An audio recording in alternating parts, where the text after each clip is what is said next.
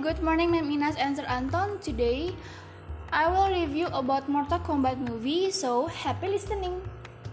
Mortal Kombat tells how the journey to the battle tournament will be carried out by champions who come from Earth who have dragon symbol on their bodies. The battle that was to be held was the final battle to the Outworld Warriors had to win to complete their 10th victory in a row so, so that Shang Tsung would be free to rule the earth. I think the 2021 Mortal Kombat movie produced a much better and interesting movie than Mortal Kombat around 90 years ago. Because the Mortal Kombat movie in the 90 years ago was not very good and not interesting. This movie is also an adaptation of a game that is quite sadistic and full of blood to be a natural part of this movie. Although it is a little difficult to make a movie adaptation from a game, this movie is not too bad and better. But the presence of Cole, who is not the original character of this game, make Cole presence to Force as a protagonist. I think the director should have been able to present nine other characters who have been known in the game. Cole character is taught simple, where he is associated with his forefather who is a legendary ninja and the power of the shield on his body.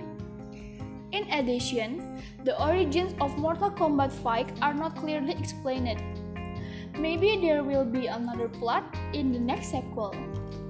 But Mortal Kombat also managed to provide a close combat scenes with the strength of each character.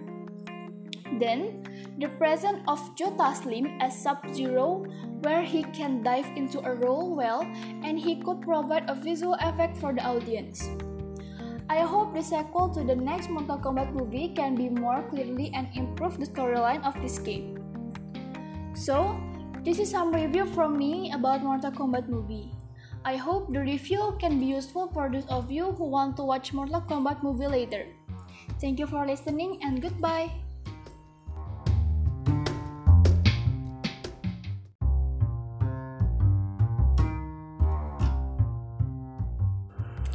Hi, good morning, my Minas and Sir Anton. Today, I will review about Mortal Kombat movie, so happy listening. Mortal Kombat tells how the journey to the battle tournament will be carried out by champions who come from Earth who have dragon symbol on their bodies. The battle that was to be held was the final battle to the Outworld Warriors had to win to complete their 10th victory in a row so, so that Shang Tsung would be free to rule the earth. I think the 2021 Mortal Kombat movie produced a much better and interesting movie than Mortal Kombat around 90 years ago. Because the Mortal Kombat movie in the 90 years ago was not very good and not interesting. This movie is also an adaptation of a game that is quite sadistic and full of blood to be a natural part of this movie. Although it is a little difficult to make a movie adaptation from a game, this movie is not too bad and better. But the presence of Cole, who is not the original character of this game, make Cole presence to Force as a protagonist.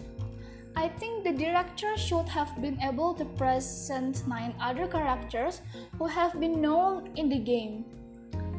Cole character is taught simple, where he is associated with his forefather who is a legendary ninja and the power of the shield on his body.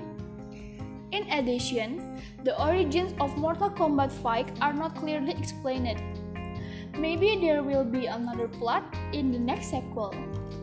But Mortal Kombat also managed to provide a close combat scenes with the strength of each character.